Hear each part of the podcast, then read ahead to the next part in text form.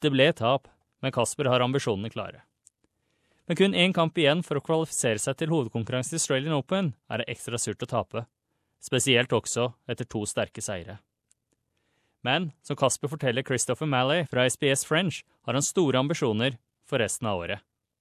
Kasper, obviously disappointed with, with this loss today. Ja, selvfølgelig. Aldri gøy å tape kamper, og i hvert fall ikke når det er eh, kvalfinale i en Grand Slam, når det er en match om å å, komme inn i hovedturneringen. Men eh, det er vel sånn det er. Det er min første, første opplevelse av en kvalfinale i en Grand Slam, så forhåpentlig så får jeg flere sjanser. og Får bare prøve å, prøve å heve meg over tapet og ja, komme meg videre, rett og slett. Det er mange mange, mange uker igjen av året og turneringer som skal spilles, så bør ikke være for skuffet, men det er selvfølgelig ikke kult. You had two good wins though here. Uh, how do you feel about these wins? That, do you feel the year starts really kind of okay for you this, this season?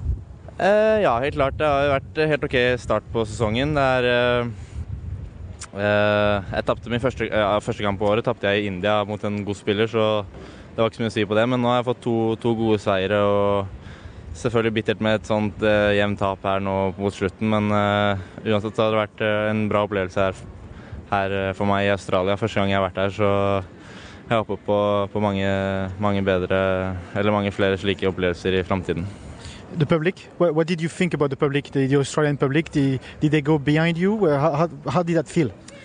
Jeg følte at uh, det var en del publikum som var der og så på. Vi spilte på en ganske stor bane med Skjønte at det var bra TV-rettigheter også hjemme, eller TV-sending, så jeg fikk, jeg fikk god hjelp. for Det var noen norske der i publikum òg, merket jeg. Og, så det var gøy å spille. Det var gøy der ute, men eh, men eh, selvfølgelig, jeg klarte dessverre ikke å dra det helt til land, men eh, neste gang så får jeg prøve å, prøve å gjøre det. And one last question: What can we wish you for, for this season? What What is the objective for for Casper Rudd?